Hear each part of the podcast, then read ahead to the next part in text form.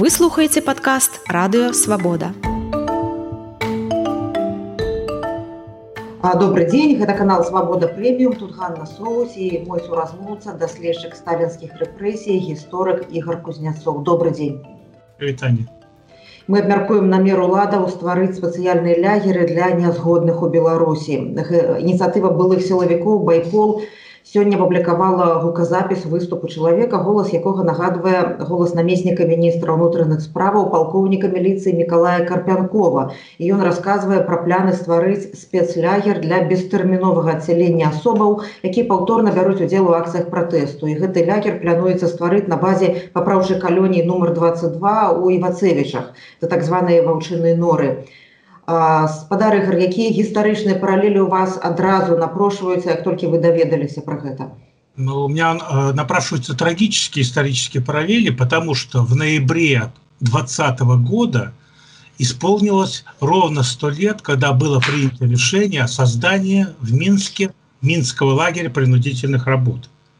И в феврале столетие исполняется. Я не знаю, это или они хотели приурочить к этому важному событию для исправительно-трудовых учреждений, но такая аналогия. Но вообще-то они вернулись, и они, я уже буду говорить слово, потому что у меня нет такого термина, уже сейчас правоохранительные органы. Есть другие термины, но я буду использовать корректные выражения. Они э, э, вернулись к событиям 20-х годов. То есть в советское время – 5 э, сентября был принят декрет, который назывался о красном терроре. Вслед за этим был принят э, в ЦИКом РСФСР в сентябре 2019 года декрет, который назывался «О лагерях принудительных работ». Согласно этого декрета, тут не надо слово РСФСР, распространялось на территории Беларуси, было принято решение о создании в каждом губернском городе лагеря, э, лагеря принудительных работ с наполняемостью не менее 300 человек. Еще неизвестно были ни масштабы, никого что, но уже было определено не менее 300. Можно было и 3 тысячи, и 30 тысяч добавить. То есть вот этими нормативными документами э, началось формирование будущей системы ГУЛАГа.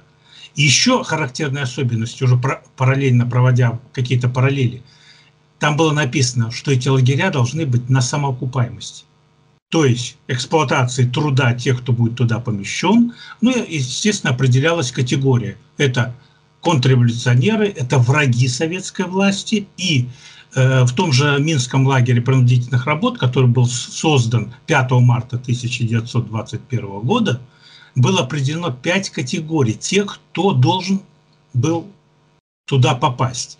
Прежде всего это относились э, тех, кто уклонялся от так называемых работ, ну, это, как мы говорим, представители старых буржуазных классов, которые не хотели работать на советскую власть. Это были туда тунеядцы приписаны, туда были приписаны спекулянты, туда были приписаны дезертиры, которые уклонялись только э, без использования документов и так далее. То есть вот была категория определена, кто должен был содержаться в этих лагерях. Ну, как мы видим, прошло сто лет – и в 21 веке решили вернуться только вот э, слово, которое прозвучало в одном из товарищей под словом «оно», было названо новая категория – лагеря для отселения. И в Беларуси планировалось создать лагерь для отселения. Такого термина в ГУЛАГе не было.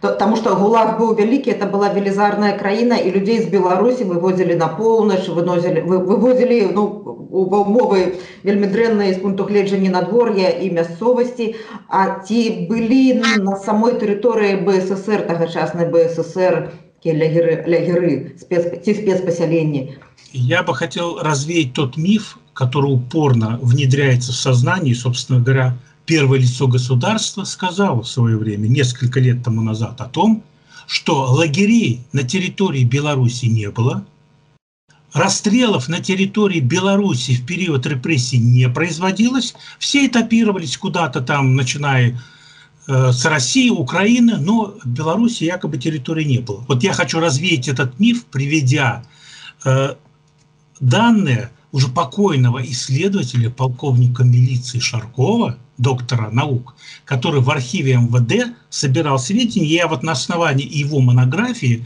э, сделал таблицу. Я вам только приведу те цифры, которые полностью развеют этот миф о том, что на территории Беларуси ничего не было. По данным на 1940 год, а, этот, а эти лагеря все время увеличивалось, на территории Беларуси было 33 тюрьмы, и на территории Беларуси было 24 исправительно-трудовых лагеря. 24 лагеря.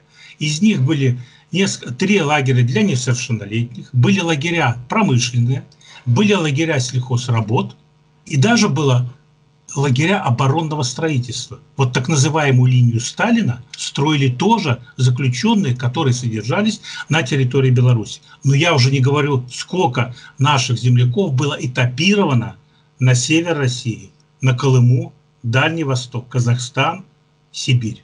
Поэтому надо уже отказаться от этих стереотипов, которые пытаются нам навязать.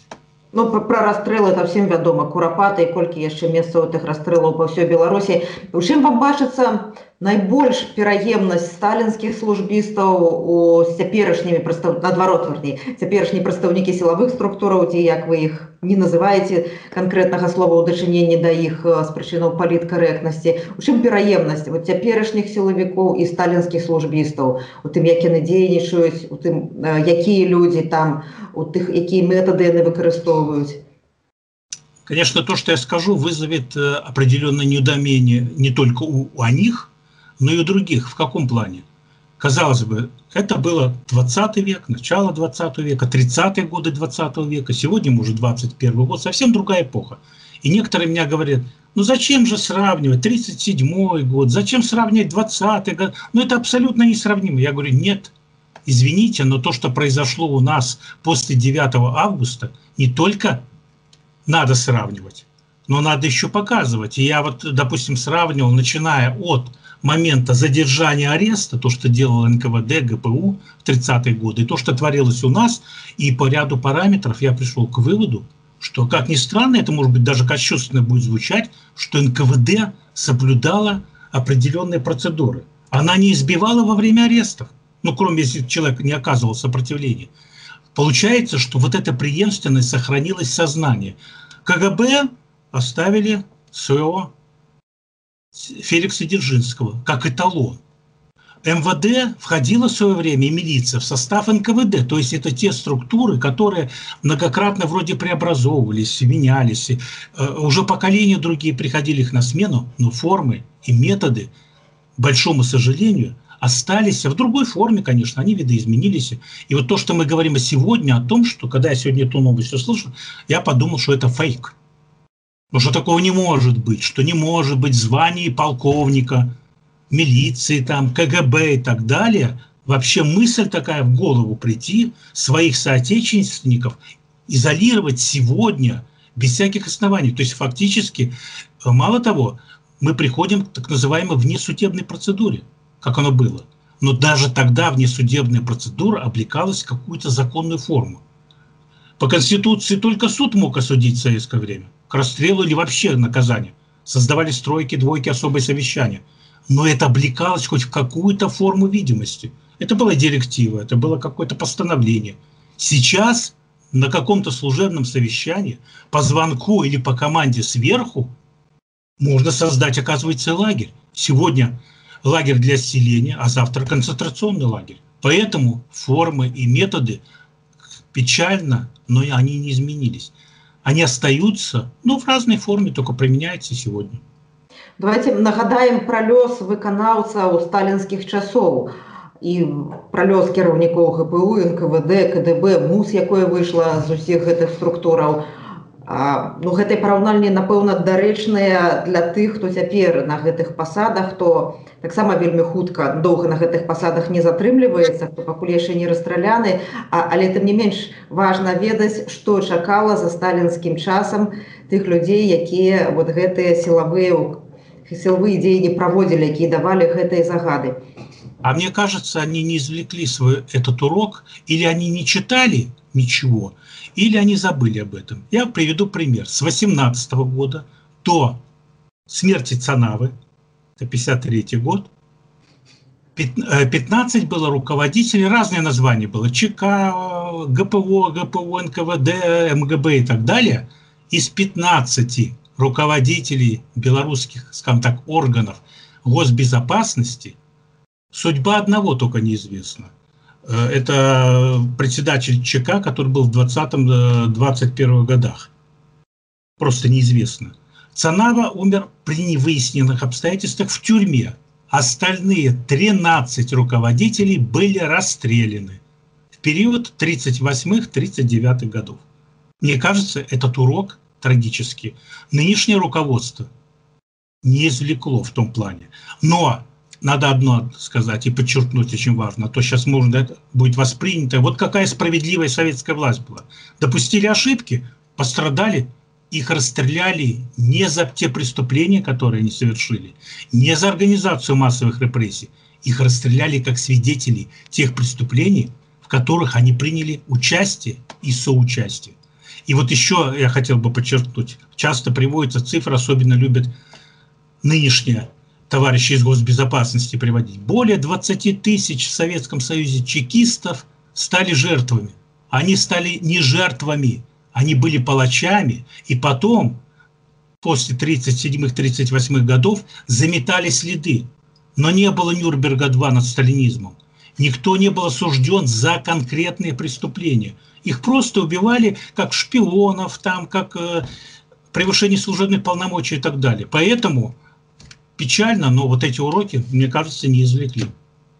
людзі якія шмат гадоў апякуюцца курапатамі вы у тым ліку это вялікая частка вашага жыцця гэтае месца гавораць пра тое што карані акрэсці на карані гэтых катаванняў трэба шукаць у курапатах курапатах дзе дагэтуль ну, нібыта нейкая там парадкаванне ўлады праводзілі але дагэтуль не было нюрнбергу бальшавізму камунізму і дагэтуль не было належным чынам ушанаваная памяць расстраляных людзей не былі асуджаны тыя хто гэта зрабілі ці сапраўды карані гэтага всяго ляжаць у курапатах і, і пакуль не адбудзецца гэты нюрнберг ну вот этой лягеры будуць стварацца Я думаю, что э, Куропаты – это все-таки самое большое, самое массовое место захоронений и расстрелов на территории Беларуси.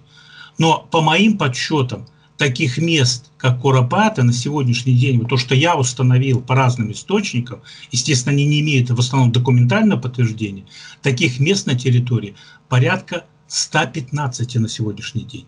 Вокруг Минска Куропат таких маленьких, больших, средних порядка 14. То есть то, что было тогда заложено, но время шло, и поэтому Сегодня, вот если так предположить такой вариант, что если бы мы были изолированы от остального мира, то я уверен, что после 9 августа возили бы многих не на Крестину, не на Володарку, а их возили бы в Куропаты. Поэтому только вот, наверное, благодаря еще сопротивлению, которое сегодня существует, благодаря того, что мы все-таки не изолированы, как вариант Северной Кореи, но мне кажется, мы к этому варианту уже скоро скатимся. Поэтому вот эта трагедия тех лет, она переносится на сегодняшний день. И поэтому, если тогда в основном расстреливали, вот в пиковые годы, эти 37-е, 38-е, то сегодня изобрели новую форму. То есть пытки и издевательства осуществляются вообще в досудебном порядке. То есть человека еще не знают за что, но его уже пытают. Ему создают невыносимые условия содержания. Поэтому я считаю, что вот эти печальные уроки прошлого столетия не извлечены на сегодняшний день. А, як гісторык, Як, у чым вы бачыце самае галоўнае адрозненне цяперашняга беларускага грамадства, якое спрабуюць адправіць у гэтыя лягеры ад таго грамадства, якое цягам ну, доўгіх дзесяцігоддзяў савецкай улады ў гэтыя лягеры адпраўлялі. Э, я бы привел так, э, может быть, это эмоциональное будет такое умозрительное заключение. Все-таки период 37-38 годов, вот я пытался изучать очень часто и найти ответ на вопрос – было ли сопротивление сталинскому режиму. И вот в общей сложности из тех там архивно-следственных дел, которые документов не удалось изучить, э, печальная цифра. Кого мы можем реально подвести под сопротивление, то есть вооруженное сопротивление советской власти. Человек открыто вышел на партийном там или на комсомольском, на профсоюзном собрании сказал, что вот я против того-то и того-то, этих людей в Советском Союзе было менее 1%. Уже в середине 30-х годов. Поэтому ни о каком практически реальном сопротивлении, ну, был, возьмем более поздний период, диссиденты в советском обществе. Их же тоже были единицы, десятки, но сотни. Сегодня то, что мы увидели в Беларуси, это уже массовое движение. Это не оппозиция, как пытается. Это не проститутки, извините, не алкаши и так далее, кого пытается выставить сегодняшняя власть. Это настолько морально, что это ну, просто ни, ни в какие рамки не лезет. Это сегодня уже народное движение, протестное движение. И я думаю, что оно не погибло, оно не остановилось, оно изменило свои формы. Но и не надо забывать, что гены партизан и подпольщиков – у нас остались и все равно в крови. У меня, допустим, отец э, всю войну сначала встретил в Белостокском выступе, воевал, потом окружение, потом все время в партизанских отрядах и так далее. И у многих же прошли это. И то, что сегодня творится, наверное, все-таки это сигнал к тому, что действительно я абсолютно согласен, и многие уже писали, не говорю ни о чем новом, что сейчас идет реальное возрождение белорусской нации. Оно уже произошло, даже если предположить, что все, появятся лагеря, начнут выносить приговоры, ничего этим не добьются. Поэтому я считаю, что то, что произошло в 2020 году, оно будет иметь продолжение в 2021. Или в любом случае победа будет конечном итоге за народом. И все, кто меня знает, я все годы очень пессимистично высказывался о том, что вообще возможны какие-то изменения. Сегодня у меня есть определенный оптимизм, что в перспективе эта цель будет достигнута. Дякую вялікі гэта быў даследчык гісторыі сталінскіх рэпрэсій гісторык ігор кузняцоў усяго вам найлепшага Дякую Гэта быў падкаст радыёвабода слухайце нас на ўсіх падкаст платформах і на сайце свабода кропка орг Хочаце ведаць што адбываецца апошнія навіны жывыя трансляцыі відэа фото пастаўце на мабільны телефон нашу аплікацыю у